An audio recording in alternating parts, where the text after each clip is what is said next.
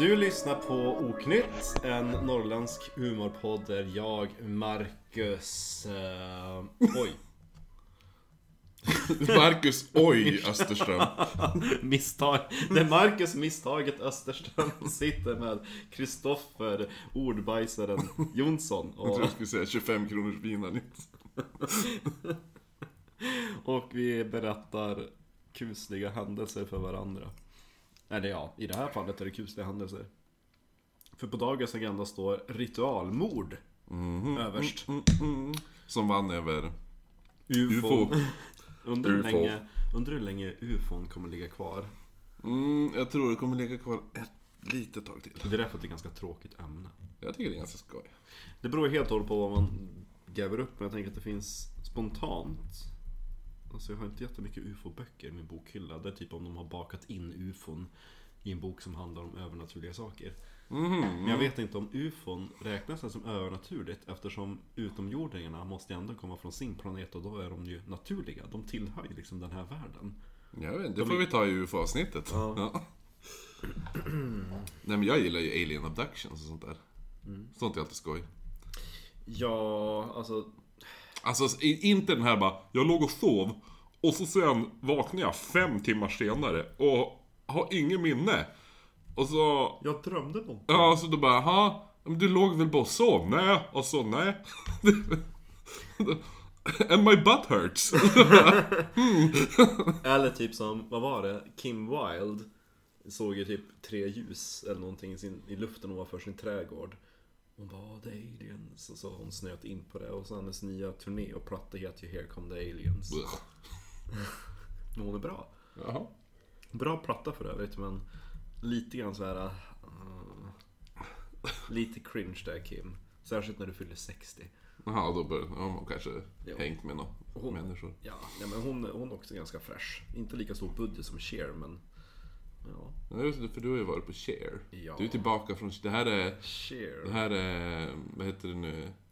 Vad har du pratat om tidigare? Ja. BC var before Cher. Ja, så Det här är är AC, ja. det här är after Cher. Ja.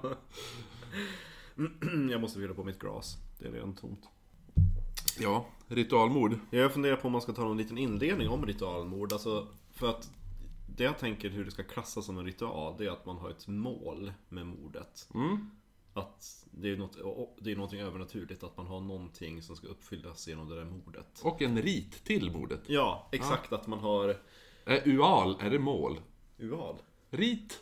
Ual. Ual. Ja. Det börjar inte bra det här känner. Nej. Eh, nej men... Ritualmord.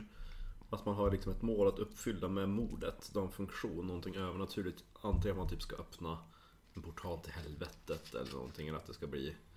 Jag vet inte, man har någonting, ett syfte med mordet. Och att det är lite övernaturligheter inblandade. Man tror att det är om trolldom eller sådana saker. Och... Vad pratade vi om förra gången? Det var ju tjock... Nej. Jo. Va? Nej! Nu nu hittar vi Nej, på... nu är det... Förra gången var ju The Greenbrier Ghost. Ja! Som vi pratade om. Med 11 och... Elva Sonar och, och vad heter det? Erasmus. Jajamän. Edvard. Edvard. Eddie. Jo, och Alf.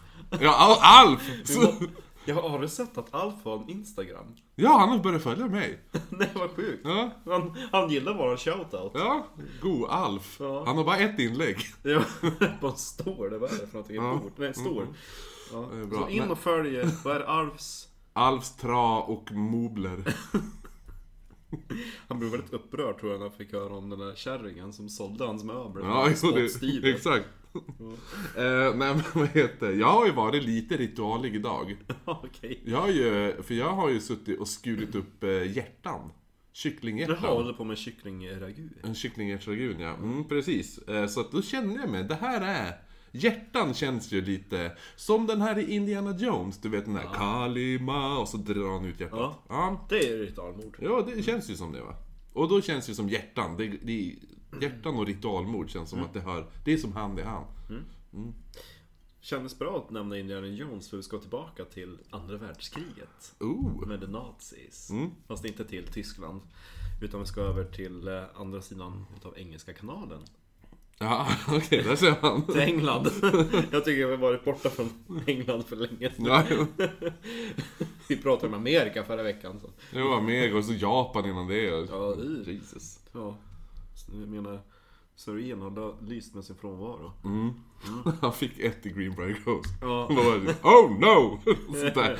Just det. State of... eh, Ja, just det. Ja. Vad var det? Constant fainting. Ja. Ja. Suspended fainting kanske var till och med. Everlasting var det. Everlasting. Ja, everlasting fainting. Ja, Nej.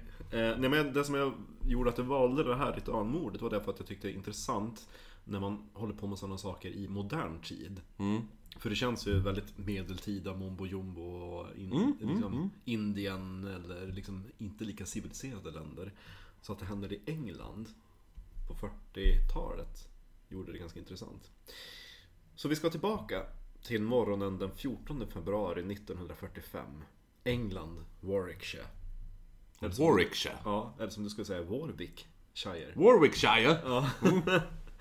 Krigets värsta fartor... fartor, vad säger jag? Krigets värsta... Det här börjar dåligt, måste ta mig till drink. Jag pratar för mycket redan den här kvällen. Du är torr i munnen. Ja. Krigets värsta fasor tycks vara över. De allierade håller på att krossa det tredje riket och kuriner efter blitzen håller på att röjas undan. Det känns som att den hemska mardrömmen som man levt i under de senaste sex åren äntligen håller på att lätta. I den lilla byn Lower Quinton i Warwickshire lämnar den 74-årige Charles Walton sitt hem. Han beskrivs som en liten Vad hette han? Enstöring. Wal... Walton. Walton? Walton. Jaha, Walton. Walton.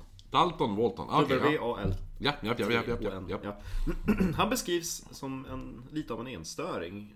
Godhjärtad och inte direkt ogillad av någon i byn. Lite så här, Lite eljest. ja, det var typ den där enstöringen som, som folk alla liksom känner till. Mm, mm. Inte, liksom, folk, alla känner till men kanske inte riktigt umgås. Det var en gubbe som kallades för Lappen i Holmsund som... Som... Eh, Lappen. han var inte en same heller. Okej. Jag vet inte fan varför han kallades för Lappen. Ja, Ja, det är väldigt skumt där. Han kastade sten på barn. Men gud. Ja. Kanske därför han kallas Lappen. Ja. Lappbarn, han kanske stenar än lappungar. Ja! Där har Där har vi det. Löst fall. Då fortsätter vi. Trots sin ålder och reumatism så var Charles Walton en väldigt aktiv man som försörjde sig med arbete på gårdarna runt om i trakten. Han levde ensam i en stuga tillsammans med sin 33-åriga systerdotter. Uh. Jag vet att det låter jätteilla. Uh. Han hade förbarmat sig över henne efter det att hennes mor dog 30 år tidigare. Alltså, Vadå, men hur gammal var han då? 74. Och hon? 33. Uh. Han var, hon var tre. Då, då, Då han flyttade, han var han 40, 40 bast typ, däromkring. Ja, 41 då. Ja. Men då gud. han adopterade henne. Alltså det låter ju mer pedo, men det var väl kanske inte det. Hopp får vi hoppas. Nej, det kommer inte handla om pedofil. Jag kan ta hand om henne. Nej men eh, hon hade dött. eh, Och eh, hon stod utan mor och far så att då klev Charles in och adopterade henne. Ja, jo. Alltså, det, det är som om, om jag skulle dö och, och som min brorsa bara, jag kan ta hand om dina barn. Det hade man ju ändå köpt. Mm, ja, verkligen. Då hade inte folk bara, vilket pedo! När Charles genar genom kyrkogården i byn är klockan ungefär 9.30 på morgonen. Han bär med sig, han, han bär med sig en lövkniv och en högrep. Vad är en högrep för något? Ja men typ en så här pitchfork. Jaha, okej, jaha. Ja, Högaffel? högaffel, högrep. Säger vi åtminstone i min del utav Norrland. Rest, rest, resten av Sverige säger högaffel. Han skulle röja och ta sig an häckarna som växte vid... Han skulle röja och ta sig an häckarna som växte vid fältet till Meon Hill. Edith går också till jobbet. Hon jobbar som en tryckmonterare, Printers Assembler, vid Royal Society of Arts. Ooh. Låter jättefancy för att, ligga, Fancy! för att ligga i Lower Quinton. Anledningen till att hon har fått jobb där, det är därför att man har flyttat till Royal Arts Society ifrån London under kriget då, ut till obygden där i Lower Quinton. När Edith sedan återvänder hem den dagen, då är klockan sex på kvällen. Vanligtvis brukar Charles vara hemma redan vid fyra. Men när hon öppnar dörren så är han inte hemma. Och det tycker hon är skitmärkligt. För han är lite grann som en där enstöring, man kan typ ställa klockan efter dem. Ja, nu går han ut med hunden och nu går han och hämtar tidningen. Och han är inte direkt den som går ner på puben och Hello everybody, I'm singing. Så han bara, och han är inte mycket, liksom, han är inte talför så att hon tror inte att han har stannat för att snacka med någon granne. Han låter som en jävligt rolig individ alltså. Ja, eller hur? Han bara går och klipper gräs och... Ja. Och pratar inte med någon. Han Ja, men bara, typ en Åh, ska vi hälsa på han? Nej. Jag tänker, att, jag tänker att han umgås med Alf. Ja, jo, han. Han och Alf. Alf sitter och snickar möbler och, och Charles han går runt och, Han går, bara, han går bara runt där, runt och vandrar i huset. med sin, med sin högrev. Mm. Nej, men redan på en gång så känner ju Edith att eh, det är någonting som är fel. Så hon går till sin granne Harry Beasley. Och tillsammans så beger sig de till markägaren som Charles arbetade för den dagen. Den här ägaren var en man som heter Alfred Potter. Oh, Potter! Och så, hette, och så hette den andra Beasley, nästan Weasley. Harry, Harry, Alfred, han heter, han heter ju Harry. Ja! Beasley. Alfred Potter. jo, det märks att vi är i England på en gång. Eh, Den här Alfred Potter hade sagt att han hade sett Charles tidigare den dagen, typ vid 12-tiden, beskära och ta hand om häckarna vid kullen som han skulle göra. Så de begav sig dit för att leta efter honom. Och invid ett buskage så hittar man Charles brutalt mördad. Mördaren hade slagit in huvudet på, på stackars Charles med hans egen Högaffel? käpp. Ja, käpp, okej. Ja, han, han var tydligen så gammal så han- och reum- reumatisk han gick med en käpp. Han hade, alltså mördaren hade slagit med sådant våld att skallbenet hade brustit. Även tre revben visade sig vara av. Det tog man reda på under obduktionen så, så framgick det. Halsen hade skurits av Left to right? Nej, tre gånger? tre Jaha. gånger. Jävlar. Det känner vi igen. Med den där lövkniven som han hade med sig. Och det sista jacket, alltså det, Det är inte vad en lövkniv är till för. Nej. Men det sista hugget, eller vad man ska säga, hade... Det sista hugget som han hade typ skurit halsen av, det var typ alltså... Den där lövkniven, jag typ googlade på bilder. Ja. Tänk lite grann som en skära, fast lite grövre. Mhm. Som en, typ en liten yxa. Typ lite åt machete-hållet fast... Okej, okej, ja. Ja. Så att den hade man... Alltså den satt så djupt i halsen så att den var nedborrad i marken under Åh jävlar. eh, Charles. Ja. Och eh, det var knappt så att så, liksom huvudet satt, satt kvar. Nej. Dingle dangle. Dessutom, höggrepen. Ja, jo, jo. Högaffeln. Höggrepen. som Charles hade haft med sig. Hade använts för att spetsa huvudet bakåt. Alltså det var en två-tandad högaffel. Ja. Och vardera utav de där tänderna gick in på varsin sida utav Charles hals. Jaha, så att de hade kört in den från sidan? eller? Nej, alltså uppifrån. Jaha, sådär då. Så, Ja. ja. precis. Tänk dig typ att jag går mot dig med en högaffel och Ja. sätter emot din hals. Som är lite som handklovar. Så fast Ja. på händerna, fast den mot halsen. Ja, jo, vi kan lägga upp en bild för det finns ett foto från brottsplatsen. Mm. Och högaffeln var inte så pass bred så att liksom, tänderna hade gått in i halsen. Ah, och okej, tryckte ja. huvudet tillbakåt. Mm. Och eh, man antog att Alltså det såg ut som att man hade gjort det i ett försök att dränera kroppen bättre på blod. Jaha. Och dessutom, på bröstet så hade någon ristat in ett kors. Spännande. Ja, jag gillar det. Bra början. Ja, ja, ja. Och vid åsynen utav liket tappar Edith fattningen och börjar gallskrika. Ja, jo. Varenda gång jag läser Edith, då tänker jag på Lady Edith i, i Downton. Jaha, jo, precis. Hon går alltid runt, nej, hon går alltid runt och såhär Liksom modfallen bara Åh jag kommer aldrig hitta en man Ja, är det rödhåriga? Ja men hon den blonda, ja typ strawberry Ja, precis. Ja, hon ja. ja. Ja hon som alltid är så synd om jag, Ja, jag, Det är Ma- så Mary är den som alla Ja. tycker om, inte mig. Ja precis, det var så kul för det var hon som spelar Edith Ja. eh, Hon berättade att eh, folk på stan, när de bara 'Jag känner igen dig någonstans ifrån' Och så bara 'Jo jag är med i Downton Abbey' och de bara 'Just det, det är du som spelar den fula systern' Åh nej! Så hon bara va? Är Edith ful? Hon har aldrig tänkt på att hon är liksom den oattraktiva systern. Ja. är det lite kul. I alla fall, Edith eh, börjar gallskrika och den där grannen Harry Inte Weasley utan Ja, Weasley jo. Försöker lugna henne och hålla Edith borta ifrån mord, mordscenen Stopp där! Nej! Stopp där! Och så... åt andra hållet Nej! Stopp där! Han tar upp den där jävla högaffeln. Gå tillbaka! Titta inte så här. Gå hem! Gå in härifrån! Ja. Alfred Potter som, som dök upp typ från andra sidan busken eller någonting Han eh, Hallå! lite, Poppa upp huvudet. Lite så. Eh, han stannade kvar och höll vakt medan eh, Harry Beasley och Edith återvände till byn och kallade på polisen. Mm. Det är också något vittne som hör Edith skrika som dyker upp och så hjälper till att lugna henne. Den första polisen kommer fram fem minuter över sju, 19.05. Mm. Medlemmar från den lokala Crime Investigation Division, CID, kommer eh, lite senare, obviously. Ja, jo. Det var jättekonstigt om de var innan. Ja, de kommer liksom sen och sen så här, är det- är resten utav alla de där mordteknikerna. Jag har inte skrivit så utförligt om vad de gör. Nej. För det är inte så jätterelevant. Men de gör liksom det de ska göra. De tar vittnesmål ifrån eh, de, de där gubbarna. Mm. Alfred och, och Harry. Harry! Ja, Har- Harry. Vad fan Harry? Vad gör du här? Du skulle låta Edith vara, vad kommer Doris säga? Ja men... Hon vart ju ledsen. Det hade varit jättekul att se det här som en Jönssonligan-film alltihopa.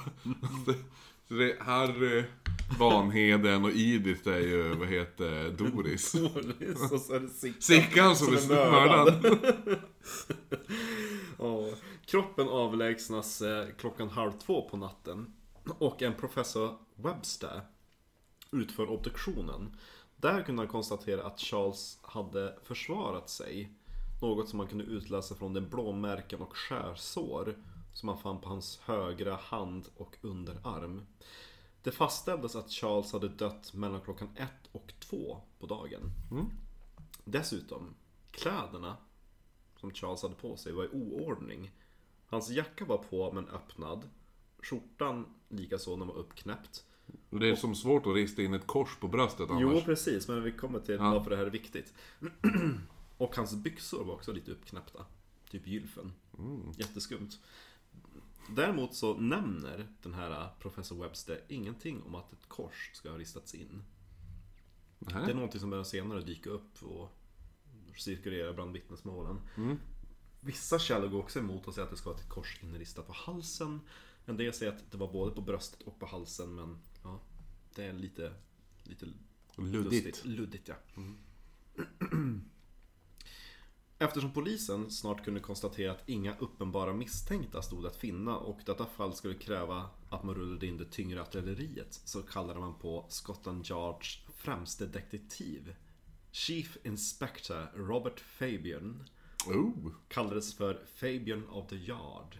han låter jävligt fancy. Han är jävligt fancy. Gud vad han har... Han är stilig. Ja, han Ja. är riktigt dashing. Den här 44-årige Robert Fabian var typ den första riktigt stora polisen med Hollywood-status. Han var världsberömd för sin detektivförmåga och hade dessutom framträtt i både film och TV. Åh jävlar, värsta Poirot-snubben. Ja, nej, men han var typ sån elegant så att folk bara, men kan du komma och spela dig själv i den här Hollywood-filmen? Jaha. Ja, visst. Så att eh, han hade figurerat som sig själv. Kan du hjälpa till med det här mordet? Jag har inte tid. Jag ska spela in en film. Så jag tänker att han anländer till den där lilla byn bara Ta det lugnt Era mördare kommer snart vara fast Han, jag Och känner... så skriver han lite På tal om Harry. Potter så känn, tänker jag lite som, vad heter han som Kenneth Gilderoy- Branagh ja, spelar? Gilderoy Lockhart Ja, precis. Lite som han tänker jag. Fast en, inte lika patetisk. Nej. Nej. Den 16 februari anlände Robert Fabian med sin assistent till den lilla byn Fabian kände sig nog först säker på att det här fallet snabbt skulle klaras upp. Byn Lower Quinton har med ett liten befolkning på bara några hundra pers. Och det finns bara några få liksom, halmtaksprydda stugor, en kyrka, en pub och några bondgårdar. Alla känner alla, någon måste veta någonting om mordet. Men, Hur, hur gammal är eh, assistenten? Det om du kollar på. Nej, inte 15. Nej, assistenten Albert Webb. Jag tänker att när man jobbar för Scotland Yard var han inte 15. Så inga träben? Han var lite yngre, jag tror han var typ 30. Ja, okej. Mm. Vad skönt att du, för- du säger att eh, folk är lite yngre när man är 30. Ja. Eh. Nej men eh, det kommer kanske en 15-åring lite senare i, i, i historien. Han fluktar i buskarna. Letar efter mördaren som sitter där. En pojke med träben i bussen. Man hör bara från buskarna. Det var, det var inte en käpp han blev ihjälslagen med. Träben. Det var träben. Look at the bruises, it must have been his cane. Nej, man hade faktiskt hittat hans eh, käpp eh, typ bortslängd ett tiotal meter bort ifrån mordet. Någon som bara, jag tar den, och så efter 10 minuter, vad ska jag ha den här till? Ja. Men där hade man hittat blodfläckar och hårtussar på så att man förstod ja, att det var det som var mordvapnet, eller ett utav dem. Några utav de första sakerna som Fabian gjorde var att låta polisen hålla ett öga på bonden Alfred Potter. Det var ju trots allt på hans mark Charles hade dött och det var han som hade anställt Alfred. Och, eller vet du, Charles. Men hade han kommit till, han hade kommit till jobbet och så jobbat och så, Ja. ja. eh, Och, eh, Men han vart mördad kring ett. ja. och han gick ifrån eh, huset typ halv tio. Skumt. Ehm, Så att eh, polisen håller liksom koll på den där eh, Alfred Potter. Han hade ju också hittat liket så att det var... Ja. Dessutom så låter Fabian även anlita en italiensk tolk.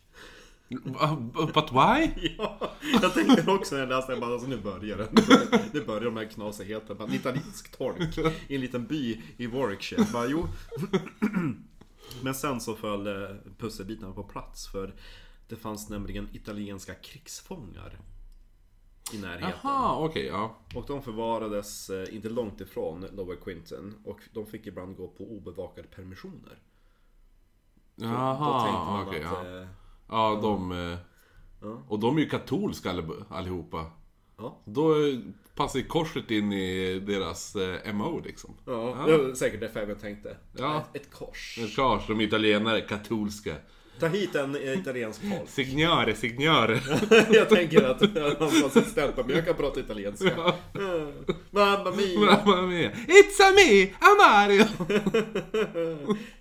vi har ett lik. och- Det är som i Pippi Långstrump. Han, vad heter han, den här jävla, innan de är på sju haven.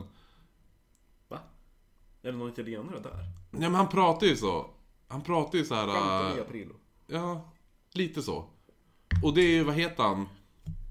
Det är han som spelar Bosse i Karlsson på taket, alltså brors, storebrorsan. Ja! Han, han spelar den här ungen i eh, Pippi på de sju haven eller vad fan Herregud. heter. Ja, jo, det, det är lite, lite koppling. Ehm, Däremot så finner man snart att det italienska spåret var ganska dött. De hade varit på permission de Det var inte så hade bra tolk. typ, de, hade, de hade typ varit på i, en, en lite större stad där i närheten och typ sett på teater och gått på Mm. bio. Och eh, det fanns inte... Filmen som spelades var med han, eh, Fabian. Ja, eller hur? Han bara, ja, Rekordelia kanske. Nej men alltså vi har inte gjort något, vi såg en film och du var med, du var så himla bra. Åh oh, ja men Och det, vilken film var det? det var absolut inte ni. Ja nästa! Jag tänker, jag kan man smickra honom till Ja. ja. Men någonting som förbryllar Fabian Det är när han börjar prata och undersöka byn Och prata med byborna Mm. Alla går liksom runt och bara nej Mhm. De är inte det minsta oroliga över att, att, att en galen ritualmördare går lös i, i deras by För jag menar, tänker man på Jack the Ripper, då var ju folk såhär Åh vi går runt i klungor, vi går ut efter så här nattens in. Jo, jo. Ja. Medborgargarden och skit. Och här bara, jo men har ni sett någonting misstänksamt eller är det någonting Det är lite som i filmen Hot Fuzz.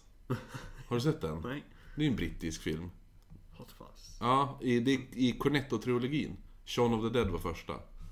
Och sen Hot Fuzz, då är han, blir han en polis som jättebra blir stationerad i en by där det inte händer någonting. Och då upptäcker han att by, det är något weird med Ja, byborna. just det. Ja men lite så. Ja men typ Fabian bara, ja men eh, har ni sett någon, har ni varit med om någonting mystiskt på senaste tiden? Någonting utöver det ovanliga? Ja, vi hittade en ko som hade dött i ett dike.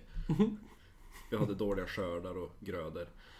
Jaha, ja, ja. Mhm. Mhm. Nej, det är någonting lurt med den här byn, tänker Fabian. Och han tänker att, ja men... Ska man förstå sig på då får man ju ta seden dit man kommer. Så att för att bekanta sig med trakten och dess seder så går han införskaffa sig boken Folklore, Old Customs and Superstitions in Shakespeare Land. Uh, ja, i Shakespeare-land Ja, också. tydligen så är det i det countyt som Shakespeare kommer ifrån. Och den här boken var författad utav den lokala prästen J. Harvey Bloom. Mr Bloom. Mr Bloom. Ja. Boken behandlar den unika folktron om vidskepelse, trolldom och skrömt som prägla, präglar. Som präglar regionen sedan århundraden tillbaka och fortfarande tycks sitta väldigt djupt rotad bland dess invånare. De underliga detaljerna i det här mordet börjar få Fabian att misstänka att ah, kanske så är det här en ritual om trolldom. Dessutom kunde det kanske vara så att hela byn var inblandad i det hela. Från vad som först verkade vara en väldigt långsökt gissning så visade det sig faktiskt att Fabians talang och instinkt än en gång hade rätt. För när man började ägna mer uppmärksamhet mot Charles Alltså offret, mm, Charles Kalle. Walton. Ja, Ja. Kalle. Ja, Charles. Ja, just det. Charles Walton Ingvar Jönsson. Walton. När man börjar liksom undersöka hans bakgrund lite mera. Då börjar den här teorin om trolldom och ritualer kännas allt mer trovärdig. För, från den lilla information som den motvilliga lokalbefolkningen uppgav, så börjar en annorlunda bild om den ensliga gamla gubben att ta form. Man talade nämligen om fruktan om att Charles besatte särskilda krafter. Man sa att gubben var begåvad med konsten att tala med djur. Som ung påstods Charles vara en hästviskare. Ja, jag trodde, bara, jag trodde du skulle sluta efter häst. Som ung trodde man att Charles var en häst. Det där var alltså att du pratar med djur. Ja. Jätteroliga barnbilder på Charles. Vad är det här? Varför har du ramat in en häst här? Men det är ju jag, ser du inte det?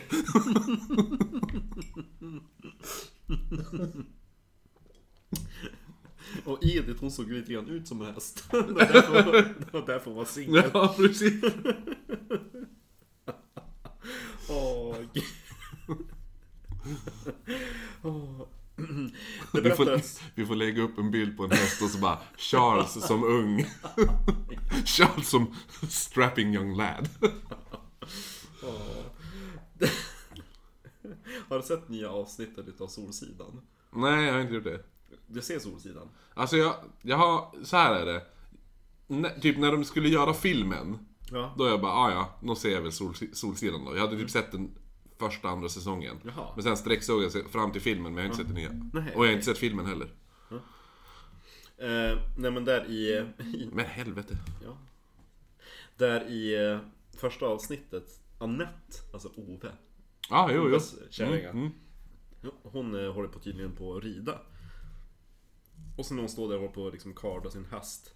Då säger hon "Ah, Det är så horribelt att när man som, som ung hästtjej Då är den första kontakten man får med det mänskliga könsorganet en hingst. Det är som upplagt för ett liv utav besvikelse. Jag tänker att Charles när han blev människa bara, Åh, Ja, ja, Min exakt. hästkuk finns inte mer. Eller så var det det som var käppen de hittade. Va? Ja. Han fick ju behålla kuken. Som käpp. Ja. I alla fall så berättades att Charles tycktes kunna kontrollera hästar genom hand och ögonrörelser. Han kunde även prata med fåglar. Enligt vittnen såg man vid flera tillfällen Charles efterlikna näktergalens kvittrande och andra fågelarter. Och det verkade faktiskt som att han kunde kommunicera med de här fjäderfäna, för de undvek hans mark. Alltså alla grödor som han sådde på sin mark, de blev inte uppätna utav fåglarna. Mm, ja, Så men, ja, men klassisk, eh, klassiska, ja men titta han är jättebra, häxa!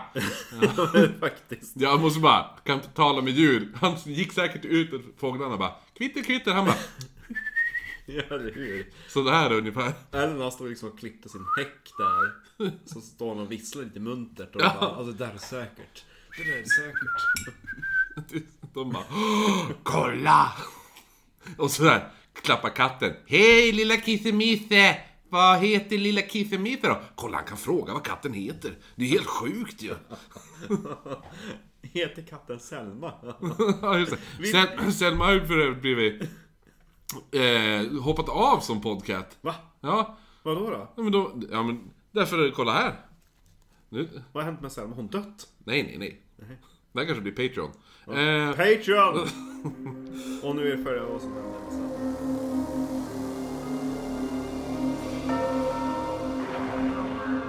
nu är vi tillbaka från Patreon. nu har Marcus fått förklarat. Ja, usch. Nej men jag tänker att Charles bara, vill katten ha lite gin? Ja, precis. Ta en droppe gin nu. Kolla, han festar ju med katten. Old Tom. Mm. Förutom det här Förutom dessa talanger så var Charles synsk och såg både gengångar och varsel. Han var ju dement.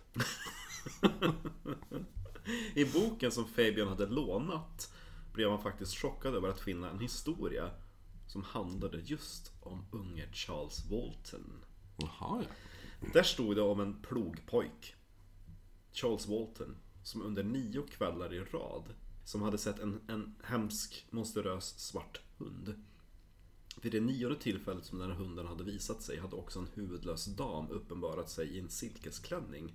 Oj då. Och det var nästa dag som hans syster hade dött. Aha. Så det var det här man trodde också att det antagligen är samma Charles i verkligheten som i boken. För att hans syster hade ju dött. Mm, precis. Och det var Ja. systerns... Eh, ja, men som de hette likadant. Ja. Ja. Det har inte funnits många Charles, vad hette han? Walton. Walton. Charles, Charles Walton i en by på Hunka. nej, eller hur? Och det lär ha varit det där paranormala mötet med hunden och, och den där damen som begåvade Charles med de här speciella krafterna. Och de här krafterna som folk trodde att han hade uppfattade de blev mörkare och mörkare allt eftersom tiden gick. Man började prata om att han fick det onda ögat. Eller kunde ge folk det onda ögat. Mm, mm, Vet du mer ja, exakt vad det är för någonting? Onda ögat? Ja, jo, alltså jag- jo. Alltså jag vet vad, eller vadå? Det är ju som typ onda ögat kastar en evil spell på en. Ja, Ja, jo, precis ungefär. blicken. Ja. Ja. exakt. För numera då kan ju folk bara, om man ger dem bara onda ögat så går de. Men Ja, på den jo, tiden exakt. då var det verkligen så att folk, man trodde att vissa personer hade makten att med blicken kunna liksom skicka Mm. sjukdomar och grejer på dem. Ja, precis. Mm. Ja, jo, nej men... Resting bitch face öga typ. Eller hur? Det var vissa gick även så långt som att kalla Charles Walton för en verklig häxa. Jaha, ja. Mm. Någonting som stärker den här Häxegube. Någonting som stärker den här teorin var det faktum att när man sökte igenom huset där Edith och Charles bodde så påträffade man i trädgården ett stort antal paddor. Jaha, så här, ja, jo. Och ryktena sa att den där gubben... Jag gillar att jag bara, jaha, såna här, äh, så, ungefär som att folk inte skulle veta vad en padda är. Nej, nej, nej. nej. Jaha, såna här som är som en groda fast lite större. Och, och, och krälar. Ja, Ja. Det berättas att, att eh, Charles avlade de där krälande kräken för sina ondskefulla ändamål. ja men för det känns ändå som paddor och häxor går ju, Oh ja. ja, För paddor förekommer väldigt flitigt i den brittiska trolldomen. ja. Paddor sades kunna störa och förgöra fruktbarheten hos både människor, djur och grödor. Mm, ja, där ser du.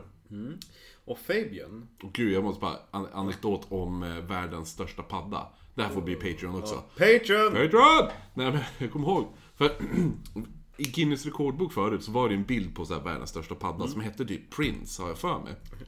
Fabian. Fabian. Eh, nej men, och då den här, då var ju den på så här.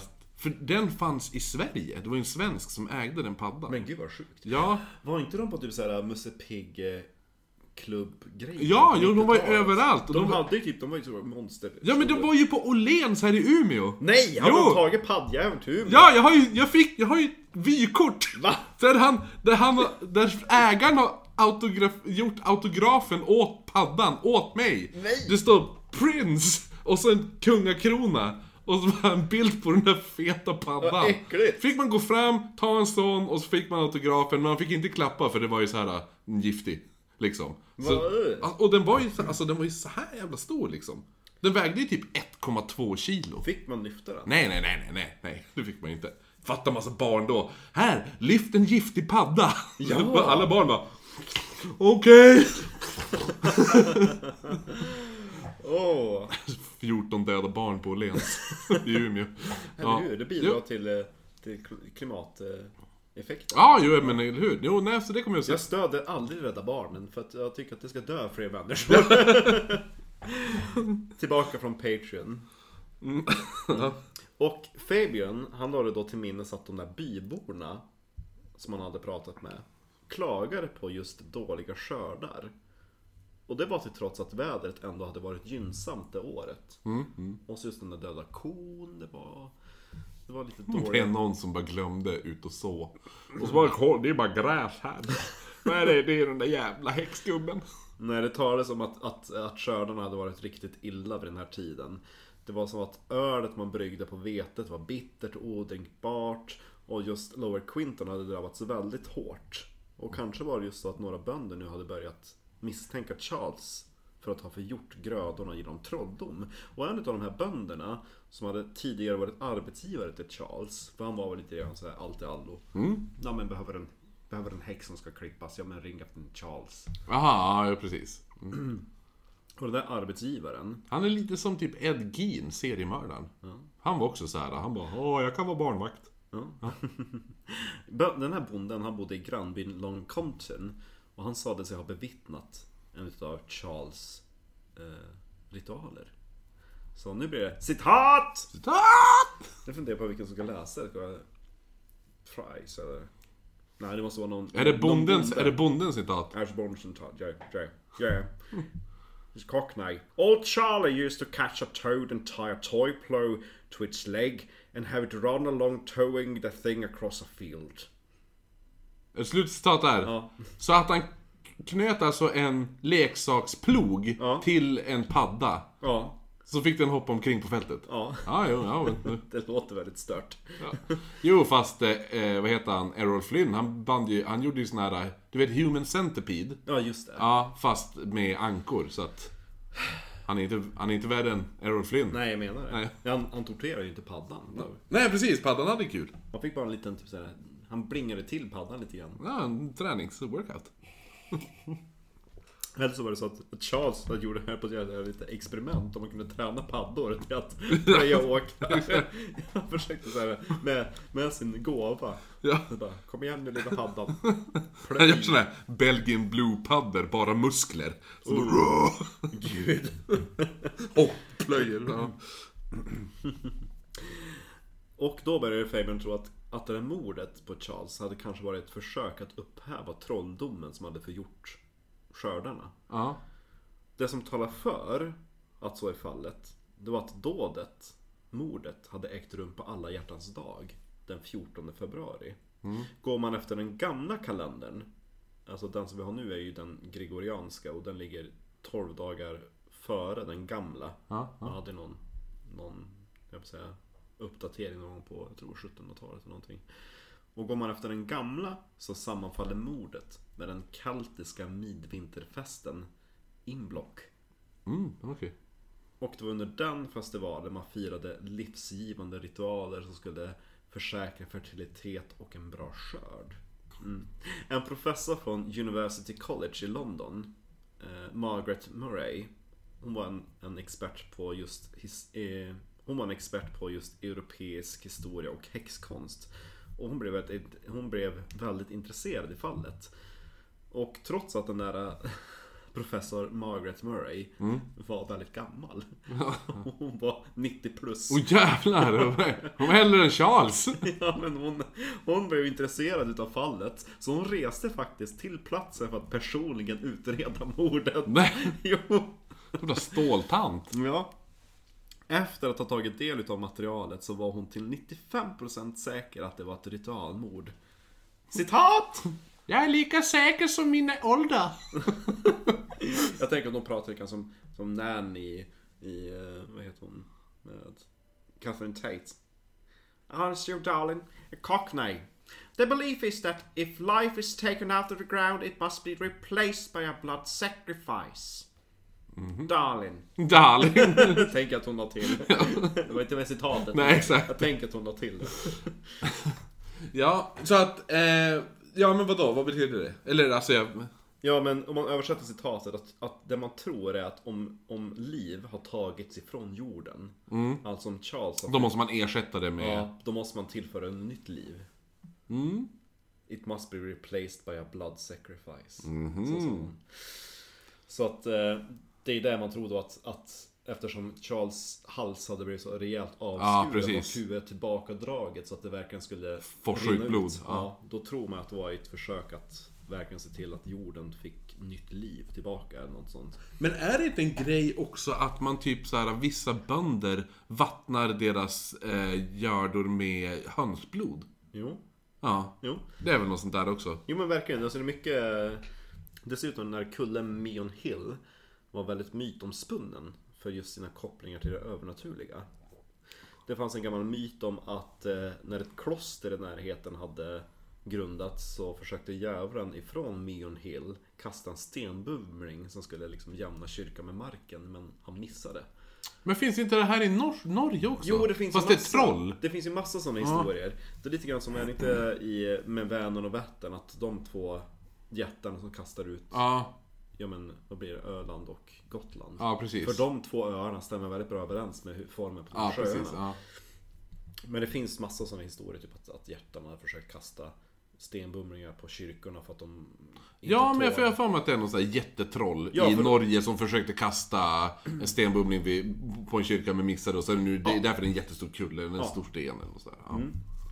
Och dessutom, ett par kilometer ifrån mordplatsen och Mion Hill så ligger en historisk stencirkel som Fabian i sina memoarer kallar The Stone Circle of Whispering Nights. Låter- Vilket är en 4500 år gammal stencirkel som består utav 77 stora stenar. Och som troligen har använts som en offerplats. Mhm. Ja, The Druids. Ja, Ja. så nu börjar liksom den här pusselbiten falla på plats, tror man. Det är mycket som pekar på att det är ett, ett ritualfall. Men faktum är att de två reporterna som Fabian sedan skrev om fallet De nämner varken häxkonst, ritualmord eller svarta hundar. För det minsta är det att, att, eh, att Han hade eh, sett en svart Charles. Mm. Walton hade sett en, en svart hund nio kvällar i rad. Ja. Och Fabian såg också en svart hund. Jaså du? Han var på väg, eller han var typ i närheten av Meon Hill någon kväll och höll på, på att undersöka. Han gick väl upp med sitt förstoringsglas tänker jag. Ja, jo, jo. Looking for clues. I am a very famous detective you know. Jag tänker att han, han är Sir Ian. I äldre dagar i alla fall när han pratar om sitt case. I'm a very famous detective you know. Robert Fabian at your service. Och då när han var där ute och härjade runt, då såg han en svart hund uppe vid Neon Hill. Ganska stor, stöddig svart hund. Efter det så såg han en 15-årig pojke. Ooh, och det betyder ju... Eller kan det bara ha varit att det är en 15-årig pojke som är ute och rastar sin hund? Nej, nej, han, nej. han frågar ju, han frågar ju pojken letar efter din hund. Aha. Och så pojken bara, "Åh, vilken hund? och så, eh, ja men Fabio, ja men den där Så han stora... bara Witchcraft! Nej men han bara, den där stora svarta hunden. Och då hade den där pojken blivit alldeles likblek. Jaha. Och sprungit hem. Och så hade han sagt liksom till familjen och folk i byn att, att, att detektiven hade sett spöket. Jaså? Ja, ja men okej ja. Det är väldigt mycket myter om Ja. en svart stor hund som hemsöker Meon Hill. men i alla fall i den där rapporten, då skriver han varken om de där hundarna, trollkonster, ritualerna, paddorna och blod och sådana saker. Så det är lite konstigt. Men, Men... precis, 25 år efter mordet så skrev Robert Fabian följande. Allt är en lögn. Nu blir det Serene. Oh. Serene, serene, serene action. I advise anybody who is tempted at any time to venture into black magic, witchcraft, shamanism, call it what you will, to remember Charles Walton and to think of his death, which was clearly the ghastly climax of a pagan rite. There is no stronger argument for keeping as far away as possible from the villains with their swords, incense, and mumbo jumbo. It is prudence. It is prudence on which your future peace of mind and even your life could depend. Mm. Men, jag känner lite så här ah. Att det här var hans sista, den här Jag är inte lika känd längre. Nej. Bäst jag ger ut, vad var det? Vart var det han skrev det här? I en bok? Ja, Nej? jo, men- ja, Han bara, jag ger ut en bok och skriver om det här och alla bara ooh Lite, kan det vara? Mm. Fast jo, jo, nej men jag förstår. Jo, men eh, om vi ska börja... Alltså nå- någonting som jag kan nämna också. Det finns väldigt mycket... Folk har verkligen försökt hitta saker som ska stärka att det här är ett ritualmord. För jag tror att det var 1875. Då var det en kärring som hette typ Anne Tennant. David Tennant! Ja, Ja, nej. Mm. 79 år. Skulle fylla 80. Hon bodde i en by alldeles i närheten. Där Charles blev mördad. Mhm.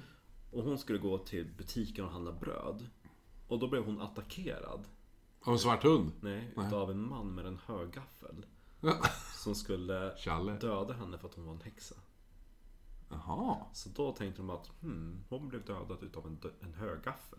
Ja, ja, Högrepp. ja, ja, jo, jo. Ah. Mm. Och sen så hade de hittat något annat fall också. Den där äh, boken som Fabian hade lånat nämnde också om en om en rit på typ 1600-talet där man hade mördat en häxa.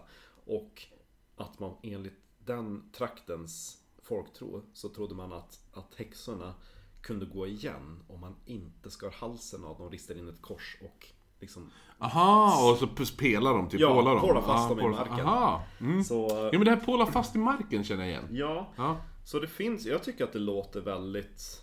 Alltså det, det är mycket som talar för det. Det där Ja, korset- absolut. Jo, jo. Det där korset vet man ju inte riktigt om det stämmer eller inte. Nej. För fotot som man har från mordplatsen visar inte liksom så jättemycket detaljer. Men om vi ska övergå till lite mer naturliga förklaringar. Vem tror man var mördaren? Eh, där han jobbade kanske. Ja, ägaren tänker Ja. jag. Alfred Potter. Precis, ifall det har varit dålig skörd för han. Mm. Ja, och då tänker då skulle det kännas bra att kanske skylla det på den som han har anställt.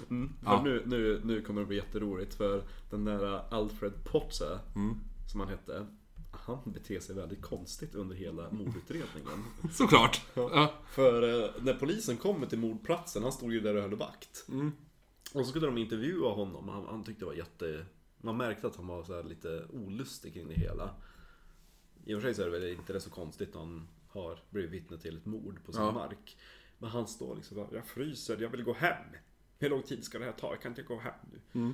Och så polisen bara, men han är en bonde. Han, han bör ha varit van med att liksom ta hand Ja, om jo, sina exakt. djur Ja. när som helst på dygnet. Att klaga över kylan så här. Lite weird. Ja, Ja. ja är väldigt weird. Så han frå, de frågade ju, han hade sagt att han hade sett Charles. Det sa han ju när Edith och Harry. Mm. Harry! När de kom förbi, då hade han ju sagt ja, men jag hade sett han typ mitt på dagen. Stå där och, och hålla på med buskarna. Ja, ja. Och det uppsa han vid första vittnesmålet, då sa han typ ja men det var typ 10 över 12. Och eh, jag hade inte tid att gå dit och säga hej för jag skulle till hjälpa en ko som hade typ gått ner sig i ett kärr eller någonting. ja, ja. Och sen så har de där tiderna ändrats. Okej. Ja. Mm. För han sa sen att han hade sett Charles Walton och han hade sett han också eh, utan sin jacka.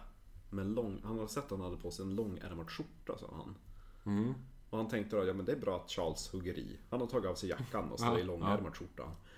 Men grejen var, Att han hittades med jackan på. ja, Ja, just det. och skjortan han hade under var kortärmad. Jaha. Och det visade sig sen också att den där kon som han hade, hävdade sig gick för att hjälpa hade varit död långt innan. Så att, Ja, men då är det ju han. eller hur? Ja. Jag tror det också nästan. Och eh, dessutom så hade han någonting på byxorna som polisen först trodde var blod. Ja. Men byxorna blev sedan så grundligt tvättade så de kunde inte göra någon undersökning av det. Ja, jo. Och en till sak som verkligen så gjorde att det här är skumt. För när Robert Fabian berättade att de höll på att undersöka de italienska fångarna i närheten. Ja. Då blev alltså Albert Porter han bara Jag förstod det, det var de där italienarna. Jaha, jag tyckte han bara, jag kan vara tolk! Jag vet, han blev så här överförtjust. Ja. Ja, jag förstod, jag förstod. Ja, man var väldigt, uppenbart att han var väldigt lättad av att, att, Ja, jo, att fingret Ja, började peka åt ett annat Ja. håll. Så att han ändrade sig från att typ ha sett Charles, sa han vid typ Hade ju varit kul ifall det 12 var han 10. som var tolk. Och så han bara, jo men jag är tolk, jag är italiensk tolk. Det, Han säger att det var han som gjorde det. Ja, bura in Jag han. burar in No, no, not me signore. No, no. Jo men han säger det, att det är, det är ju han. No betyder ja. Ja. ja, nej, men det är klart det är han som har gjort det. Men säkert också då för att det är, anledningen är ju förmodligen för att han hade dålig skörd. Jo, säkert. Eh, vad mer tror man i... Nej men i slutändan, att man, anledningen till att man inte... Jo, det var också en till sak. När man berättade då också med, inför Potter Nej, när man berättar inför, jo han heter Potter. När man berättar inför Albert att, ja men vi kommer obviously att leta efter fingeravtryck på mordvapnen. Då han bara, "Eh, ni kanske kommer att hitta mina avtryck här. De bara, okej. Jag gjorde den här repertoaren, Singin' in the Rain, och gick med en käpp och... Nej men då hävdade han att han hade varit och fingrat på de där mordvapnen. Aha. För när eh, Edith, Harry och han, när de stötte på liket, då, då hävdade Alfred att Harry hade sagt åt honom, ja men gå och kolla så att han verkligen är död. Och då lär han ha liksom rört vid verktygen eller någonting. Jaha. Fast käppen hade ju varit konstigt. Ja. Ifall han bara går... Ja, jag, jag kollar käppen också ifall den är död, I guess. Hans kuk. Ja, jo, det... Ifall den är slak. Men när de frågade Harry om det där, ja men varför? Alltså var det inte uppenbart att, att, att Charles var, var av. död? Kolla om han är Jo men, död. jo men han bara, men jag sa aldrig det där. Ja. Jag har aldrig sagt det där till, till Alfred. Ja, nej. Ja, men, nej, men han åkte aldrig dit för det antar Han jag. åkte aldrig dit. Ja, det gud, vilken är jävel. fortfarande ett olöst mord. Damn. Fan. Sen, Ja. som, sen någonting som vi ska länka till, som jag blev överförtjust över att titta. Det var att på 60-talet, då tror jag att BBC höll på med en TV-serie. En följetong som pratar om ouppklarade mord. Ja. Eh, Och det finns ett klipp ifrån ett reportage då reporten står vid Meon Hill, på platsen där Charles dödades. Jaha. Och jag tror faktiskt att han har med sig högrepen. Som han dödad med. Ja. Ja. Och han säger också att ja, vi ska prata med den som kände Charles bäst. Så då tar de in Edith. Jaha, ja, hon lever då? Hon ja. lever då. Ja. Så att de pratar med Edith. Om Fan, vad coolt. Ja, Ja. jag tyckte det var ballt. För det är ungefär som att man ska typ intervjua en nära släkting till Jack the Ripper. Typ. Ja, eller ett av hans offer. Ja, nästan. Ja. Hon var inte ett offer, men alltså hon, de frågar henne, ja men vad tror du om det här om, om trolldom och sådana saker? Hon bara, nej det är nonsens. Ja. Mm. Och de bara, men har du hört talas om några trolldomsgrejer innan det? Så bara, nej! Jag tror att det är någonting lurt också, för de frågar bara, har du hört talas om liksom... Det var Edith! Nej, och han! In, Ja, det var in alltså- conspiracy! Det som jag tyckte var jättelustigt, det var att hon säger nej jättefort och så defensive när de frågar henne, har du hört talas om så här trolldom och häxkonst i den här trakten? Bara, nej. Ja. Och då har man ändå den där kärringen på 1800-talet som blev ihjälhuggen med en högrep. Ja, jo precis. Ja. Och, alltså det är mycket, alltså det är en väldigt folk... Ah, men hon stod vid sin jävla... Vad var det hon jobbade med? Tryckpress? Ja. hon stod ju där hela dagen. Ja, Hon hängde inte med. nej. Nej. För övrigt så såg hon ungefär lika attraktiv Nej hon var, hon, hon var mindre attraktiv än Edith i Downton Abbey. Ja, jo, absolut. Så att det var mordet på Charles Walton. Det här fallet kom att kallas för The Witchcraft Murder. Eller The Valentine's Day Murder. Ja, jo. Fast då blir ju den ute... Den hamnar ju i skuggan av The Valentine Day Massacre. Jo. I, ja, i maffiagrejen där. Precis. Jag börjar ja. lite sugen på att åka till den där byn nu. ja, jo men vi, vi, som sagt. Vi har, ju lite, vi har ju börjat få in mer Patreons nu. Ja, vi är jätteglada för får vi tillräckligt då åker vi till London och jävlar vad vi kommer att spela in material då. Ja, då blir det... Då ska vi... Då bjuder vi in någon jipper... Jipper... Jipper... Ripperologist. Ja, då, bry, då gör vi ett jippo av alltihopa, hörni. Vi- Ja men vi ska ju det och så ska vi till, eh, göra en, vi ska göra eh, presenningsdokumentären, eh, vi ska göra, vi ska fara till den där Screaming Woods, där Ja. i Kent, och så nu har vi den här platsen också. Ja, till eh, eh, Lower... Quil... Vad heter den för någonting? Lower Milton, Quilton, Ja, den heter, ja, Stilton. ja, jo. Den heter... Wiltonshire. Nej, det är Warwickshire. Warwickshire. Lower Quinton. Ja, just heter, heter byn. Men, men på Shire, men vadå, The Shire i, eh, i eh, Sagan om ringen då? Ja. Borde inte heta det The Che? Jo men typ, det är för att de är så... Det är ungefär som att säga, men Umeå och Skellefteå. Ja, Ja, det man, känns- drar, man drar ihop det. Warwick. Ja, jag tänker bara på Warwick. Warwick Davids. Ja, Warwick Davis, ja. Ja. Jo men det är, det är så. Som att han har ett eget Shire. Warwick. Ja. Då blir det Warwickshire. Warwickshire, ja. Som Worcestershiresås. Ja, jo. Jag använde det häromdagen. Ja, det är Jag gott. gjorde... Vad fan var det? Ja, skitsamma. Det är Jag, har lite, är jag brukar ha lite Worcestershiresås när jag gör eh, caesardressing. Men det var ju för fan caesarsallad jag gjorde! Det var ju det! Nej, vad Jo! kul! Och det åt jag också i veckan. Ja, men exakt! Det var ju därför jag använde det. Ja. Jaha. Ja. Jo men det, det är bra. Great minds think alike. Mm. Men du, innan jag går in på... Jag har ju också ett ritualmord. Jo. Har du? Jo. Va? Eller inte ett ritualmord, jag har extremt många ritualmord. Av en och samma person. Eh, men innan vi går in på det. ja. Vet du vad jag har fått höra i veckan? Nej, vadå? Att min, mitt dalmål är dåligt.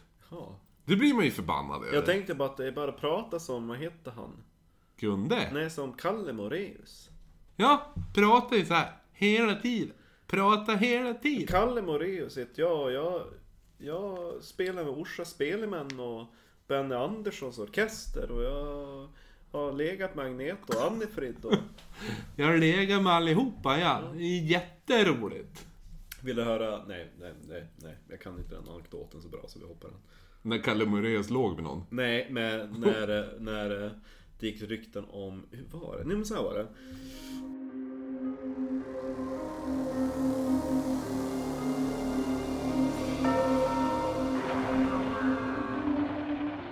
Jo, men då pratar man ju så här. Ingenting är omöjligt. Skynda, skynda! Skynda, skynda! För Fångarna på fortet är min barn. La boule! Slå igång omgången! Ja, precis. Ja, nej men så jag fick en ordlista här. Klöpp.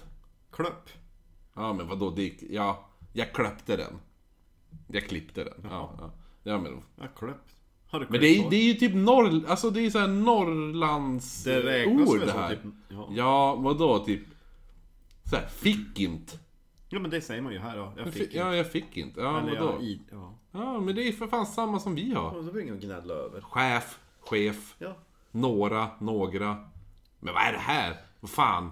Vi säger också i, i min del utav Norrland, Egypten. Gytten? Egypten. Jaha, Egypt. Inte Egyptien, utan Egypten. Ja, men vem fan säger Egypt igen då? Egyptien.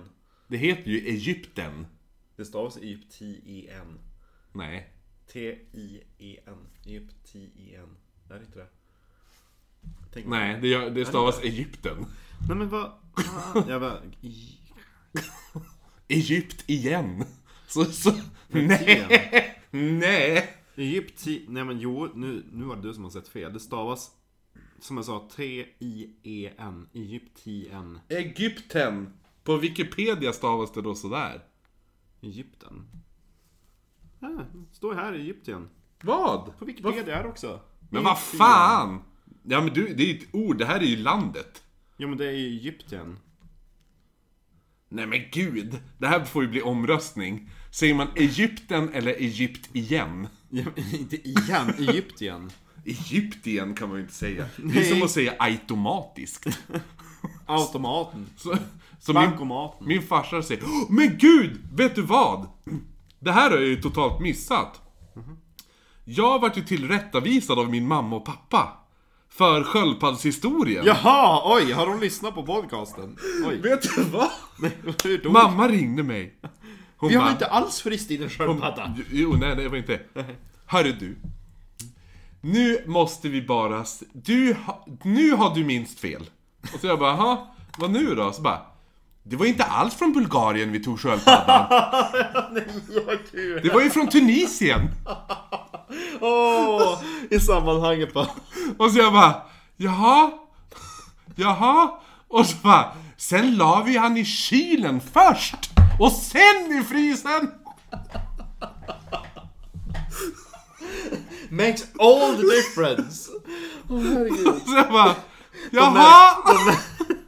Och bara, det lät ju så barbariskt. Jag bara, ja, jo men då, om man var från Tunisien, åh men då är det okej. Och lägger man i kylen först. Och Så nej, att han bara- långsamt. Hon bara, men pappa hade ju, han hade ju efterforskat. För det är som att de går in i dvala då. Jag bara, nej. De har inte vinter, de går inte dvala. Går de in i dvala och sen i frysen. Så att, eh, ja, ja, förlåt att jag ljög för förra avsnittet eller vad det är ännu roligare nu. Eh, Visst var det under Choco tror jag? ja, jag tror att det var under Vi Choco. pratade om Choco. Ja, vi kom in på Han åt- salmonella på något Han sätt. åt uh, sköldpaddor. Ja, vi kom in på sköldpaddssoppa av något Ja, slag. jo. Ja, ja, jag vet inte fan. Choco och hans diet. Precis, jag har ju dock ganska mycket, vi får se hur, hur det här går för att det kanske blir att vi måste göra det här till ett dubbleros avsnitos. Ska vi eventuellt spela in en liten avslutning nu då? Nej? Eller i mitten? Ja, nej, vi, ja, nej, vi kör en, vi kör en stund till yes. Den jag ska prata om, vi ska dra oss, det här kommer utspela sig på 80-talet. Eller det börjar ju inte 80-talet. Jag gillar att vi ändå håller oss på 1900-talet och hyfsat moderna tider. Ja, jo, men eh, personen som... Eh, han är inte född på 80-talet, utan det, det här utspelar sig på 80-talet. Okej. Så att du är med. Mm, Vem, är, vem är inte född? Han är inte född på 80-talet, utan morden händer på 80-talet. Han som begår morden? Ja, är inte På född på... 80-talet? är Ja, inte- Nej just det, Ja. jag tänkte, det första jag tänkte på, men han är inte född då. Då tänkte jag bara, alltså, han lever inte ens. Så att han åker tillbaka i tiden. Min är... Mitt är ju ett avsnitt av Doctor Who! jo, jo, han hade väl född Okej. 85 kanske. Nej, du ska få höra. Här är alltså Adolfo de Jesus Costanzo. Heter mannen som han... Mycket sånt ja. Tur att det inte är i Spanien vi är, för vi är faktiskt i Mexiko. Men- Ja, för span spanjorerna läspar hela tiden. Ibiza. Ja, eh, nej men i alla fall. Adolfo de Jesus Costanzo var en amerikansk seriemördare och ledare för sekten slash det kriminella gänget The Narco Satanists. Eller Los Narcos Satanists. Kos, kos, kos, kos. De där. knarkande satanisterna. Precis. Eh, som utförde en rad ritualiska mord, bland annat genom att slita ut hjärtan på sina offer, medan de fortfarande levde. Precis som hos Indiana Jones. Precis som jag har gjort med kycklingar idag! Nej jag skojar. Eh, nej. Ehm, Vad är det de säger? Vänta, i den, där, i den tredje Dr. Indiana Jones-filmen. men det är inte där de Nej, sliter jo, ut nej, hjärtan. nej, nej, men jag tänker på citatet. Mm. Det är i början i prologen när Indiana Jones försöker ta tillbaka det där korset. Fartyget som sjunker. Mm. Och så säger han It belongs in a museum. so do you Dr. Jones. det var det jag tänkte på. Eh, men visst är det den, det är trean som är med River Phoenix va? Han som dog. Joaquin Phoenix eh, brorsa. Ja. Som spelar Indiana Jones som barn där. Ja, han som var så snygg. Precis. Och dog. Ehm, I alla fall, anledningen varför de gjorde det här, de här morden, var ju i tron att den här makabra ritualen skulle ge medlemmarna skydd mot bland annat polisen och rivaliserande gäng. Costanzo som även gick under smeknamnet The Godfather. Klassiskt. Och The Witch Doctor. Och, eller eh, även, vad heter det nu? Alltså, The Godfather på, det var ju El Padrino. El Padrino. Ja, El Padrino, så det var det han, han kallades för. Låter som en pizzerina. Pizzerina. Ja, jag ska fan öppna den. Det är så bara, så, kycklingärtspizza, El Padrino. Ritualisto mordo. Quattro Qu- Quattro ritualo. Alla bara, det här är jävligt spännande. Ett offer på varje hörn utav pizzan. Där har du kyckling, kalv. Ehm, nej men så att eh, The Witch Doctor satte alltså skräck i boende i Mexiko och i USA under 80-talet och fick sitt slut 1989 i samband med kidnappningen och mordet på den amerikanska studenten Mark Kilroy. Men, nu ska vi gå igenom Costanzos uppväxt. Han föddes alltså 1 november och jag tänkte, jag bara, det är ju exakt samma datum som det här avsnittet släpps. Men det är det ju inte. Det är på torsdag. Nej, första vadå, november. nej, nej, det är 23 idag när vi spelar in. Så att så på, när det här avsnittet släpps är det 25. Just det. Vad, blir näst, vad ska du spela in för avsnitt nästa vecka då? Det kommer bli fortsättning på det här avsnittet. Ja, just det. Ja, Men då är det typ, då är det ändå rätt. Ja, jag tror det. Hyfsat Ja, rätt. jo, jo. jo, exakt. Yes. Här i dagarna, Halloween i time. Ish. Det Vi får, vi får, det här får ju bli, blir det här vårat Halloween? Avsnitt. Ja. Eller? Ja, Ja, det får bli det. det får bli det. Vi kanske slänger till en liten extra bonus. En bonus. I alla fall. Eh, till, ja, men tillbaka till, tillbaka till Costanzo då. Som föddes då 1 november 1962 i Miami, Florida. Hans mamma hette Delia Aurora Gonzales. Eh, var kubansk invandrare och var endast 15 år när hon födde Costanzo. Eller Adolfo, som jag kommer att kalla honom. Adolf. Adolf. Hennes första man, alltså Adolfos farsa, stack iväg när, när han var... Nej, han stack, han, han, jo, han stack iväg när han var väldigt liten. Och man vet aldrig vart han... Farsan eller Adolfo? Nej, nej, Adolfo var bara ett. Då stack hans farsa iväg. Då flyttade alltså hon eh, och Adolfo till San Juan i Puerto Rico. San Juan. San Juan. San Juan. San Juan. Det var med japanskt. Ja, exakt. San Juan! Då gifte hon om sig. Adolfo växer upp med två syskon och alla barnen har olika fäder. Jag trodde du skulle säga att jag växer upp med två mödrar. nej, nej. Hon blir lesbisk. Ja, nej. Eh, men, nej, men i alla fall. Eh, så att, eh, men det, det, nu, nu lät det ju som att jag bara, ja, alla barnen hade olika pappor och bla bla. Men det var inte så, utan det var, eh, pappa nummer två, han dog ganska fort. Eh, men det kommer vi till. När, I alla fall när han kommer till San Juan, San Juan, så döpte, han döptes katolskt och var under barndomen även korgosse. Men hans morsa var väldigt inne på religionen Santeria. Om du vet vad det är. Sangria. Ja, precis. Men Santeria betyder typ såhär... Man går runt och dricker vin varje Ja, dag. exakt. Så, så, vin med frukt i. Hello. Eh, nej men det, det betyder alltså Worship of Saints. Eller typ, vad man ska säga, dyrkande av helgon. All helgona, ja men, ja. ja. Dyrkande, ja precis. Eh, Är det så- typ en kategori utav katolicismen då? Ja, jag, kom, jag tänkte förklara lite här nu. Eh, men, men han följde i alla fall med sin morsa då på flertal resor till Haiti. För att lära sig om voodoo, som är en stor del av santeria. Eh, vilket, och santeria är då alltså en religion som har utvecklats i Kuba under typ 15 och 1600-talet. Ah. Då slavhandlare eh, kidnappade människor från typ Västafrika. Och då för att sälja in i slaveriet. Och många hamnade då på Kuba. Vilket det här var ju så här, jag bara, ja, ja, jag har alltid tänkt slaveriet när de, att det bara är i USA. Ja, men det är ju i Kuba också då. Men då, och där blir de ju tvingade att byta religion Ja. till, till katolicismen. Men då vill de som fortfarande ha kvar deras gamla gudar. Och då upptäcker de i katolicismen så är helgon en väldigt stor grej. Och då lyckas de som pussla in sina gudar, vad de gör, Ah. beroende på vad helgonen gör. Så att de så här lurar lite. De Precis smyger. som nu vi gjorde i, eh, i Norden med att ha kvar Ja, midvinterblot och ja, sådana precis. saker. Bara, men varför håller ni på att offra och, och vi- midvinterbloten nu för? Eh, ja men Jesus vill ju ha då. Ja, exakt. Han föddes väl idag? Ja, ja jo, jo. Var står det? I, i Lukas evangeliet. Kan du inte din bibel? Nej, jo, jo, jo, det kan jag ju. ja. Kör på. Det är då alla går ut med sina får mitt i natten och det är varmt. Ja, Ja, men det, det är ungefär så de har gjort. För att de, så här, de passar in det mest alltså, passande helgonet till en viss gud. För att, att citera Oknytt. Det är en klassiker. Det är verkligen en klassiker. Så, ja, lätt beskrivning är väl att det skulle kunna vara... Alltså, det här är ju bara... Det här, alltså, det här är en lätt beskrivning.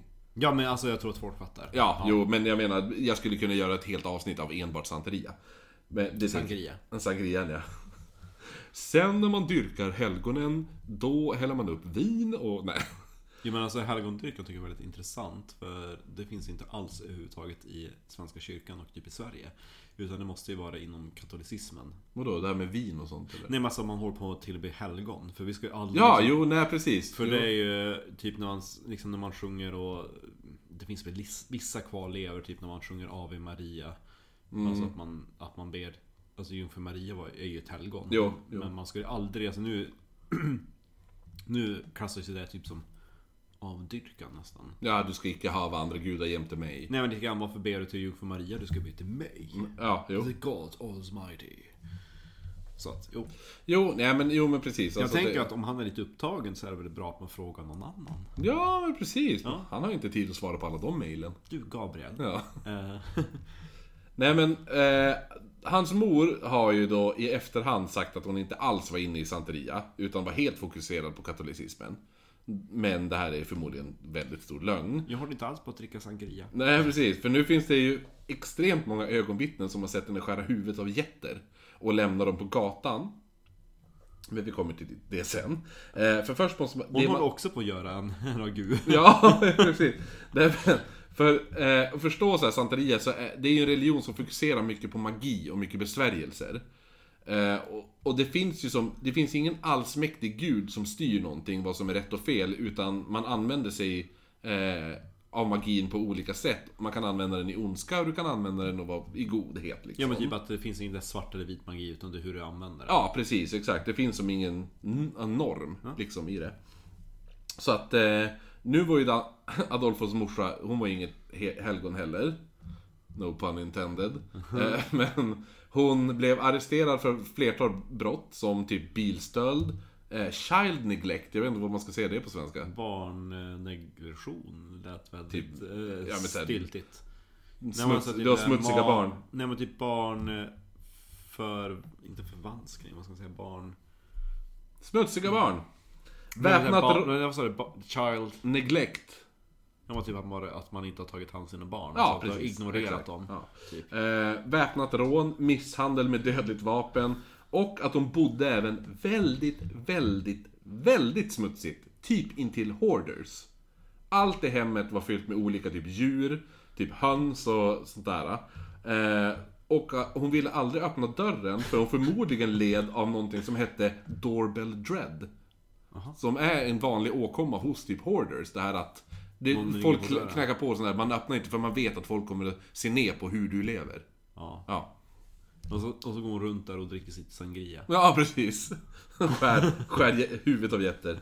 Eh, men det här smittar inte av sig på Adolfo. Han är ju istället väldigt pedantisk. Gud vad lustigt. Ja, hans, det här är faktiskt, det är, tydligen så är det väldigt vanligt att barn till hoarders blir extremt pedantiska. Och typ ut, alltså får så här äh, basilskräck och sådana saker. Det är kanske så man ska göra om man uppfostrar sina barn. Jo, det är det jag håller på med nu. Eh, nej, men, Det har inte funkat på dig. För du är inte så basilskräckig. nej, fast eh, mina föräldrar, alltså min, min morsa är ju extremt pedantisk. Ja. Min mormor är extremt pedantisk. Jag är inte det dock. Nej. Jag är väldigt slashouse. Typ, lite samma här. Min, jag tycker att jag är hyfsat pedantisk, men mamma typ såhär Kommer hon på besök? Ja, jo, Då får man så- gömma dammsugaren. Ja, då bara jaha, ja. Fönstren, när, när tog du dem senast då? Och tillbaka till Hoarder. I alla fall, eh, han Adolfo då, han eh, har det väldigt pedantiskt på rummet, kliniskt rent och alla kläder är väldigt så här, viker dem väldigt prydligt. Ehm, det här är redan från typ så här, fem års ålder. Var han gay? Vi kommer till det. Ja, alltså. Adolfo har ju som sagt ingen far, men han har en, däremot en fadersfigur i hans egen padrino. Så han får en liten dead issue. Ja, fast, jo, fast det här blir ju mer... Ja, kanske. Vi får se. Eh, eh, men, men hans padrino då, som jag kommer ihåg, det är ju gudfar. Så att det är ju... En, det, det var som en slags häxdoktor som i Santeria, som hjälpte Adolfo med typ spirituell vägledning eh, innan de flyttade till Sao Paulo. Och då hade han sagt om Adolfo som litet barn till morsan då att han bara Han är utgö, utvald att göra stordåd. Och det var Adolfos eh, padrino sen som kommer att introducera honom för en annan religion som, kom, som heter Palo Mayombe. Palo Mayombe. Det låter som typ en Kikki Danielsson-låt från Melodifestivalen. Ja, hon och, hon och Dr. Alban. Ja, typ såhär. Vad sa du att den hette? Palo Mayombe. Palo Mayombe. Och såhär, papaya coconut. Ja, men det är den du menar. Coming up, coming up. Ja, det är väldigt eh, eurodisco här. Jo, nej men Palo Mayombe i alla fall är väldigt likt Santeria med vissa undantag. Ett är att istället för att be gudarna slash helgonen om hjälp så binder man döda själar till att utföra ens vilja. Ja, jo men sånt har jag hört talas om. Det är väldigt intressant. De brukar inte bli så glada i efterhand däremot. Så att när man dör, då brukar de komma och dra ner ens själ i helvetet. Jaså? Ja, jo, inte i Ja, Mayombe i nej, alla fall. nej, kanske inte. Eh, men, men... Eh, och det här eh, är ju också sånt som man använder både gott och ont. Det är ju vad, vad du själv har för vinning av det. Lite typ som besvärjelser. Och eh, det härstammar också från Västafrika, den här religionen. Vad konstigt Västafrika är helt plötsligt känner jag. Ja, det bara jag, jag som hade tänkt åka dit i sommar. Eh, 1972 när Adolf var 10 bast så Jag tror du skulle säga 1975 när ABBA ställde upp. Ja, ja nej, exakt. Då konverterade de till Palo. Nej. Eh, när han är 10 bast så flyttar alltså familjen tillbaka till Miami. Adolfos eh, styvfarsa, som vi har pratat om tidigare, han dör nu. Då, och så lämnar han en del pengar åt familjen. Eh, så, och då kommer han ju tillbaka till den här lokala häxdoktorn som hade sagt bara Åh, han är meant for great things, typ. Och eh, han, kommer, han blir som ett mer stöd för familjen då när farsan dö, styvfarsan dör. Då kommer den här häxdoktorn in och blir närm- kommer närmare och närmare Adolfo. Och till slut så blir Adolfo hans lärling. Och en sak som finns nu i både Santeria och Palo Mayombe är ju då uppoffringar till gudarna, slash helgon, som då oftast gör via mat eller typ eh, blommor kan det vara, typ lite sådana saker. Eh, sånt som typ kan förruttna brukar man ju offra Ja. ungefär. Det är inte så att du offrar typ en järnbalk. Här! Eh, även om de rostar då kanske. Men... Jo men det är någonting som ska typ symboliskt dö och, Ja, men och hamna i den andra världen. Typ. Ja, För mat blir ju skämd och dålig och då hamnar den typ i... Ja, och blommor vissnar och Ja. sådär. Ja. Men man kan även använda sig av blod. Vilket då är, eh, Adolfo varit med och sett. Men även, han har varit med och sett det, men han har ju även hjälpt till med det sen barnsben. Det är ju en av anledningarna till att det varit så himla mycket djur i hans hem och det förklarar även varför hans morsa skar ur huvudet av en get mitt på gatan. Och grannarna till familjen är vana med att vakna upp och hitta huvudlösa höns eller hönshuvuden på bron lite här och var. Eh, för även om det är förekommande med att offra, offra djur i de här religionerna så är det ju det är endast när det är en stor grej. Alltså, det är inte så att du offrar en höna bara Ja, men jag vill vinna på Lotto. Och så bara hoppas. Utan här, det är ju typ, du gör ju det här för att att eh, Typ, ja men min, min eh, mamma har fått cancer. Då kan du offra en höna typ ungefär. Jo men det är likadant typ som i... Alltså klassiker kring trondom är ju att man inte ska göra det utav själviska syften. Precis. Ja. Så att där börjar det kännas lite grann som att om hon använder typ bara, åh, jag vill ha ett nytt jobb. Ja, men det är lite så. Det är, alltså det är, det, det är åt Jag allt. behöver hjälp att städa. Ja, Den där nya dammsugaren. exakt. Och så bara Geten, kom hit! Ja, jag tänker att när hon fått slut på egna getter, då går hon runt och så bara Kom till gete, gete, gete, gete, gete, gete, gete, gete. men i alla fall. Det här äh, kanske... Alltså folk kanske inte tycker det här är speciellt betydelsefullt. Mm, Eh, för, Men, Ja, för att vi har tänkt lite så här. Först jag bara, men barn har ju alltid typ hjälpt till vid slakt och sådana där saker. ja. Ja. Men då är ju det att när det, när det händer så är det ju för typ familjens kanske överlevnad, typ eh, för att kunna försörja sig. Jo, man, man slaktar ju för att man ska kunna äta och överleva. Ja, precis. Men här är det bara att, oh, hon skär halsen utav geten, sen så gör hon ingenting med geten. Nej, exakt. Lämnar den bara på gatan ungefär. Och så bara, nu blir allt bra. Så att han får ju som en slags, slags, ett slags förhållningssätt till djur som att det är bara någonting... Alltså, Typ en plastkasse från ICA. ja, ungefär. Det är, det är ungefär samma relation, kan jag väl tänka. Alltså, det Fräscht bara, att komma och hälsa på henne. Liksom ligger massa döda getter och kycklingar utanför dörren. ja, men, jag, ja, men som sagt, hon hade ju doorbell, doorbell dread, så hon öppnar ju ändå inte dörren när man kommer. Ja. Och fortfarande kul att vara granne så bara... Jo, jo, men det var ju alltså, de hittade ju... Grannarna hittade ju tydligen... ehm, Ja men huvudena på Ja, huvudena, ja, och hans lik på, alltså överallt. Man kunde ju komma över och bara, men du Gerda, om du vill döda getter och höns så är det din grej. Men lämna dem inte på min tröskel. Men jag har så fullt i mitt eget hus. Ja men det är ditt problem. Men städa då, prata med din son, han vet ju hur det ska tas. Ja. Ehm, men det är ungefär Talk som att man, son. Ja men det är ungefär som att man skulle upp, uppoffra en get för att inte få ärtsoppa i skolan. Alltså det är ungefär, det är på den nivån. Och, men grejen är det att Det är typ så att hon, hon, hon sitter där hemma och hoppas att allting ska lösa sig för henne. Och min man har dött och jag har ingen... Jag måste ta hand om mina barn själv. Men... Åh, ja, det är så synd om mig och mitt syndrom. Jag har ju massa grejer hemma och jag orkar inte ta tag i mitt liv. Och finns det någon enkel lösning? Ja, det finns en get. Ja, men jag tänker det, undrar hur det var att bjuda hem tredje mannen. För hon får ju en till son sen. Men gud. När hon bjuder hem han på vin. Sangria. på lite sangria. Kom, kom till mig. Ja men gärna, nu blir det åka av, tänker han. Och så öppnar dörren bara. Här bor jag! Blod överallt. Och så bara, Välkommen in! Vi sitter i min sons rum. ja. Bara, Åh, ja. vilken liten säng du har. Ja, det är min son. Nej men i alla fall. Eh, som alla vet så är ju alltså skadande av djur och alltså att man Alltså det förhållningssättet till djur är ett tidigt tecken på psykisk störning när det kommer till barn. Och i Adolfos fall, Adolfo, eh, i, i hans fall Så blir han ju uppmuntrad till det här. Från barnsben typ. Eh, samt att hans mamma sa till Adolfo som barn att folk som inte praktiserar santeria eller palomayombe är inte, de är inte mer värd än de djur man offrar. Men gud. Bra människosyn där. Mm, jo, jo. Han tar dock examen från high school med väldigt dåliga betyg. Han blir även reglerad, visst heter det det? Eller heter det religion? Religerad. Religerad? Reglerad? Ja, jag vill säga reglerad. reglerad, då har Fast man- ex- har man- ja, jag vet inte. regler. Religerad. Han blir religerad från en privat skola senare. Då han åker fast flertal gånger med sin morsa för lite mindre br- brott. Typ en gång att han försökte stjäla en motorsåg. Eh, Men han har då sedan 10 års ålder nu följt den här ovan nämnda häxdoktorn, den här padrinon. Eller padrino. Ja. Men man vet inte så mycket om den här padrinons bakgrund förutom att han kommer tydligen från Haiti och livnärde sig på typ kasta beskyddande besvärjelser från perso- Alltså för personer inom Miamis eh, undre värld. Och speciellt via droghandeln. Jag känner att det är en väldigt lukrativ, jag vet, en väldigt bra business det där. Ja, för det är väldigt mycket...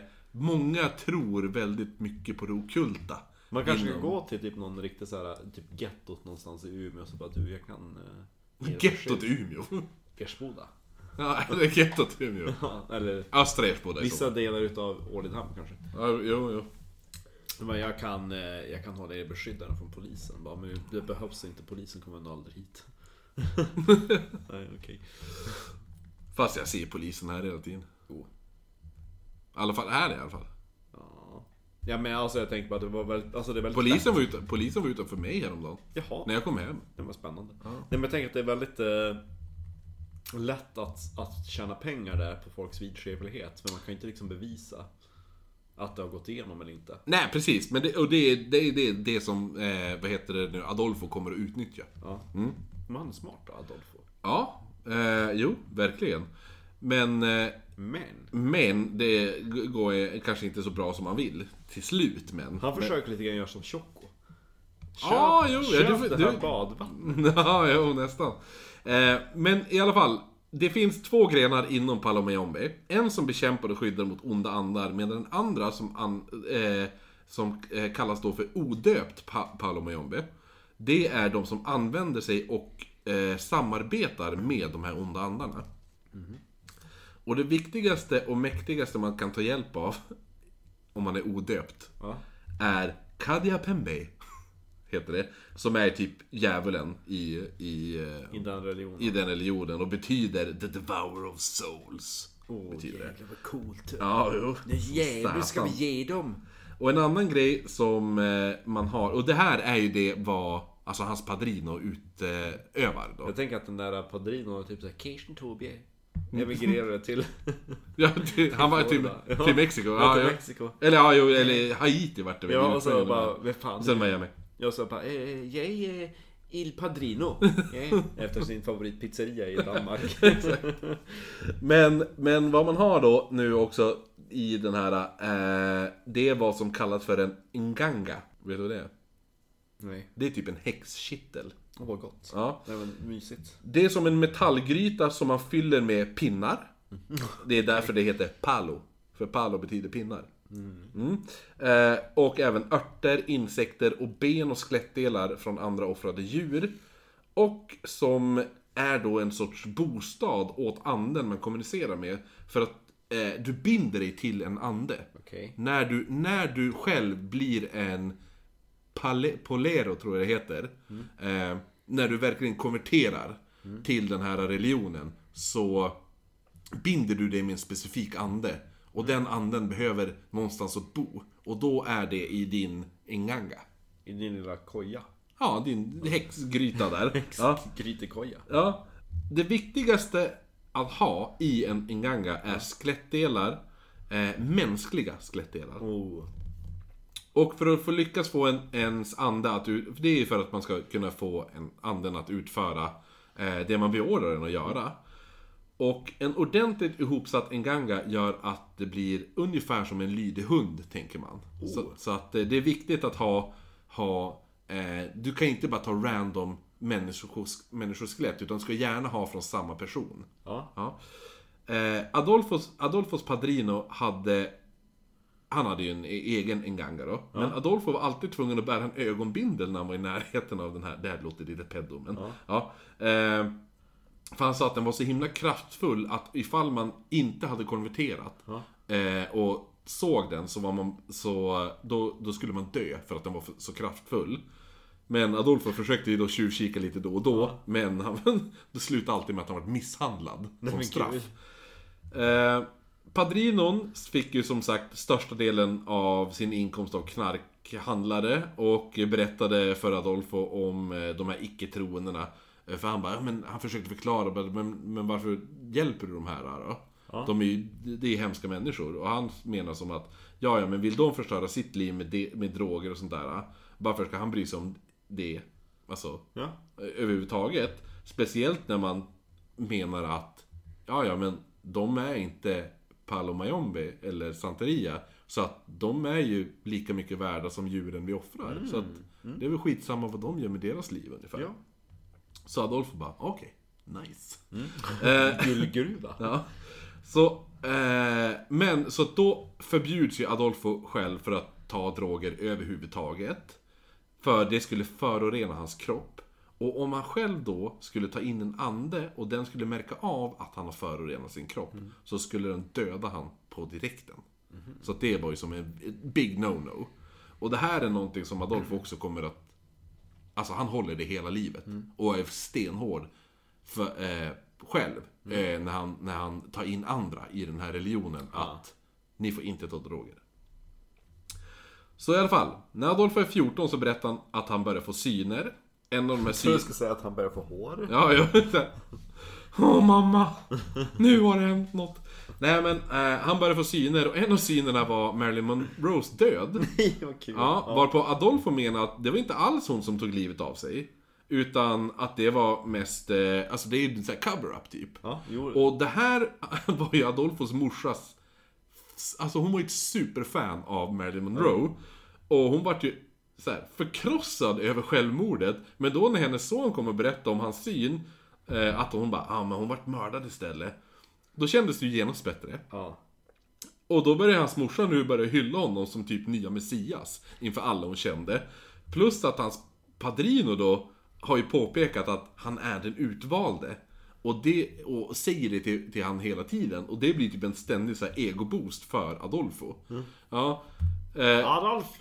Ja, precis. Och det känns ju väldigt roligt. Han, det känns nästan som att han bara försökte trösta sin morsa.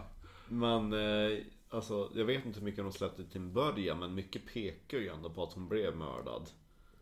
Vi får köra ditt konspirationsavsnitt. Ja, för både The Autopsy och magproverna man tog från Marilyn Monroes lik. Ja, och vittnesuppgifterna. Allting har ju försvunnit. Jo, och så vittnesuppgifterna stämmer inte Jo, ens. och många alltså, polisutredarna bara, men alltså hon ligger väldigt konstigt för att ha dött. Ja. Hon ligger typ så ungefär som en docka, att man typ bara lagt ut henne. Jo, bara precis. Rak, med typ armarna utåt och benen rak. Alltså hon ligger inte i en naturlig position, utan hon ligger typ så. Ja. Och så har man typ bara, ja men dra till henne lite grann. Hon ligger väldigt onaturligt till. Mm. Så att, ja, jo men vi kan prata henne om Robin en annan gång. Ja, Tillbaka till Adolf. Till Adolf, Adolfo. Eh, vid 20 års ålder föreslår då hans padrino att Adolfo ska flytta till Mexico City för att då starta upp en typ trollformelsbutik. Jag ska säga trollformelskola typ. Ja, exakt. Eh, men för att typ sälja besvärjelser till folk. Och Adolfo och hans morsa börjar typ regelbundet åka ner till Mexico City. Där börjar då Adolfo genom typ kortläsning sia om framtiden för pengar. Och då stöter han ihop med en viss Martin Quintana. Som nyss eh, avslutat ett långt och seriöst förhållande. De blir då kära i varandra och inleder ett förhållande. Men. För det, det, här, det här är ett gayförhållande. Som Äh, du, jo, det? jo, Ja. jo, som du tog väldigt direkt det här. Jag, när jag läste det här. Ja. För när jag läste det här på, alltså först läste jag igenom här, Ja. allt det här på Wikipedia och sånt där. Det stod ju ingenting om sånt där. Nej. Eh, Så att jag bara, ja, och sen när jag började forska mer och mer i det här. När jag öppnade det här jävla helveteshålet, varför det här är 11 av 4 långt. Då jag bara, jaha, helt plötsligt, jag bara, är han gay? typ så, här, så det är så roligt, jag bara, han viker sina kläder prydligt, typ bara, han är gay. Min gaydar. Eh, nej men i alla fall, de... Vad de tycker uh, uh, Il Padrino om det? Ah, jag tror inte Alpedrin, alltså det är ing, man, ingen tycker om det här speciellt. Men mest är det ju typ att... Eh, jag tror de bryr sig inte så mycket, men det är ju värre för att eh, den största omgivningen är ju katolskt. Så att eh, det är alltså typ eh, Martins, hans familj är ju... De är katol, katolskt... Eh, katolskt lagd höll jag på att säga. Eh, katoliker säger man väl? Ja. och sånt där. Så att för att typ smooth it over så börjar Adolfo introducera Martin som hans livvakt. Och det blir ju lite som typ en täckmantel för deras förhållande då. Eh, men fast Martin var ganska biff och väldigt så här intimidating. Ja, ja. Sen möter de då eh, eh, en annan snubbe, eller två andra snubbar. För det är då Jorge Montes och Omar Orea. Alltså tänk dig dejta en pojkvän och bara Åh, vad brukar du göra? Jag brukar skära halsen utav getter och kycklingar och... Ja, Men när jag får träffa din mamma? Aldrig! Du, jag får öppna dörren för hon kommer inte öppna. um, nej men i alla fall. Jorge och Omar då. De slår följe med Adolfo. Jorge är 50 år. Han är en gammal X-modell som även har, precis som Adolfo spår framtiden med kort. Han träffar Omar genom en kortläsning på en gay-bar då, i Mexico City. Vilken Omar, queer-historia det här. Ja, jo, jag vet. Det var därför jag tänkte, det här det vart som passande allt det här.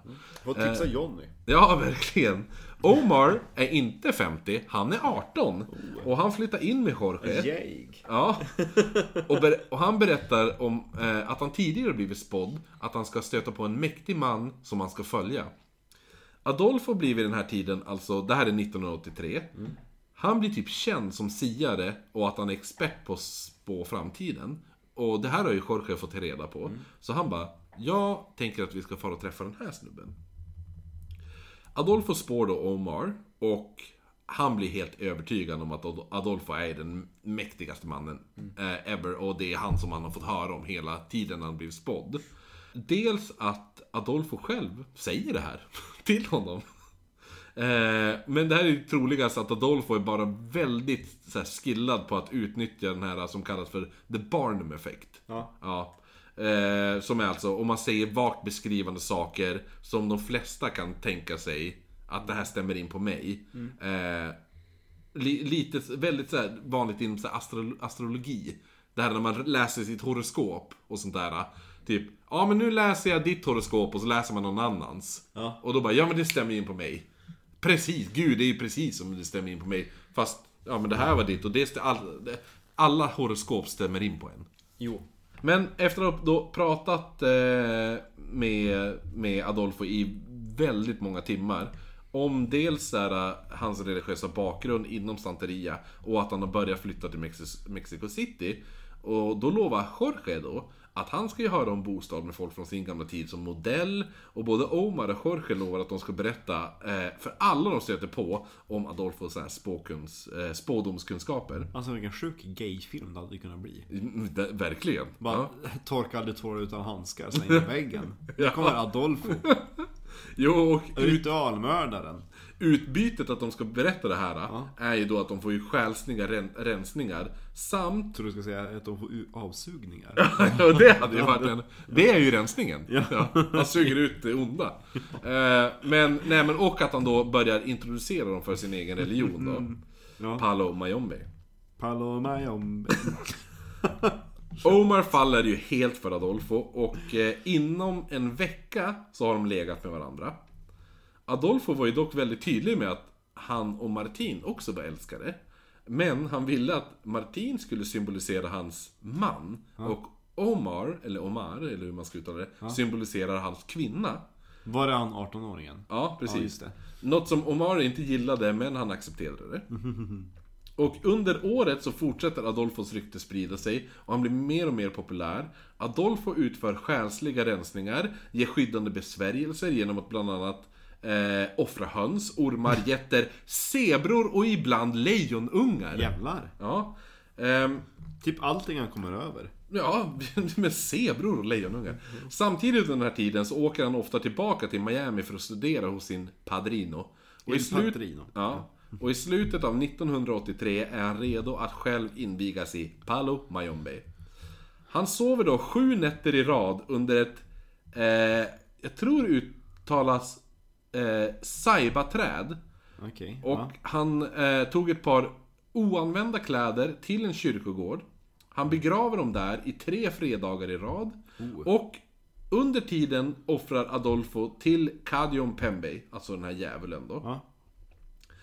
Och valde då honom som sin andliga guide. Och på den tredje fredagen gräver han upp kläderna. Han tar på sig dem och lät invigningen börja. Fräscht.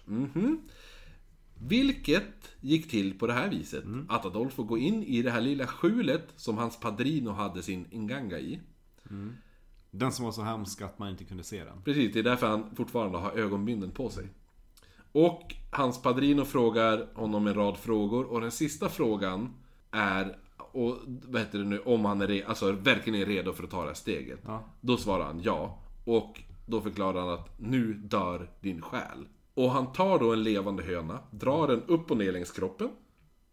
För att suga ut ifall det finns något orent kvar. Gillar att hönan bara Ja, jo precis.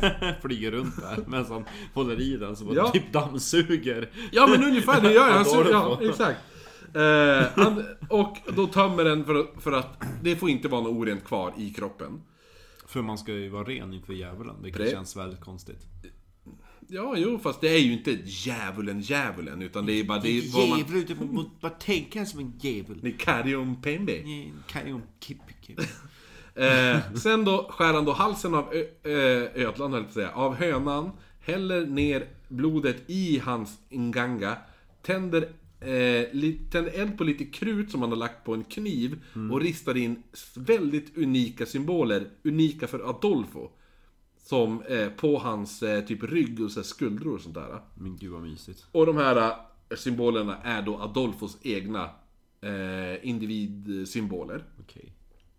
Efter det här får Adolfo ta av sig ögonbindeln och äntligen efter 10 års tid får han se sin Pandridos Inganga. Hur såg den ut då? Den var nydränkt i blod med pinnar och djurben och mäns mänskligt kranium i. Ja, men så jag tänkte själva anden, det där var ju typ bara hans koja.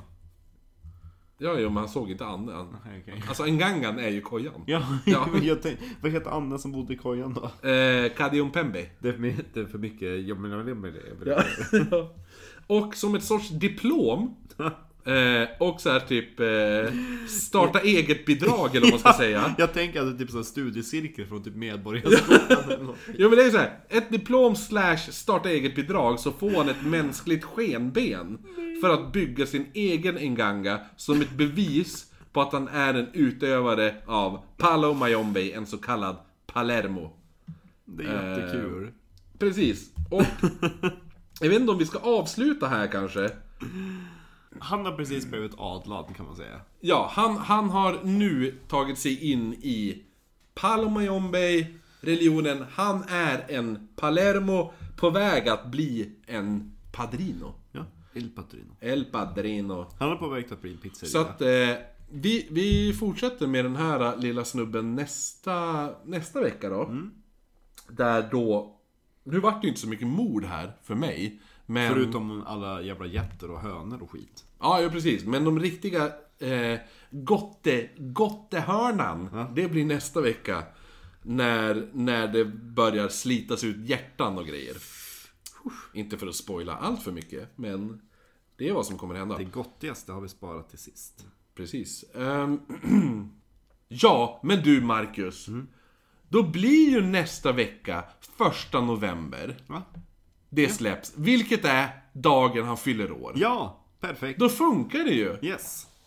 Perfekt, så nästa vecka firar vi Adolfos födelsedag. Födelsedag. Genom att, genom att spela in det sista avsnittet, eller det andra avsnittet och avslutande avsnittet i ritualmord. Ja. Och vi ska särskilt tacka våra patreons Ray, Ann-Charlotte och Uffe Puffe den Tuffe.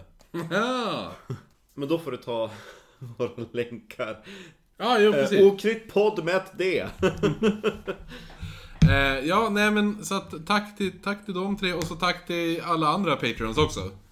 Ni får inte era shout, ni får Jo. inga shoutouts. Nej. Men tack till er också. Ja, gud, det är alltid kul. Det, det, det, det, är roligt. Nu börjar man få pengar här. Snart är vi i, snart är vi i London, Marcus. Ja, Och för spela- jag, jag längtar efter Jack the Ripper. Ja, jo, precis. Ehm, nej men, så tack till alla er och eh, är man ny till podden eller så, så allting vi säger nu kommer stavas med ett D.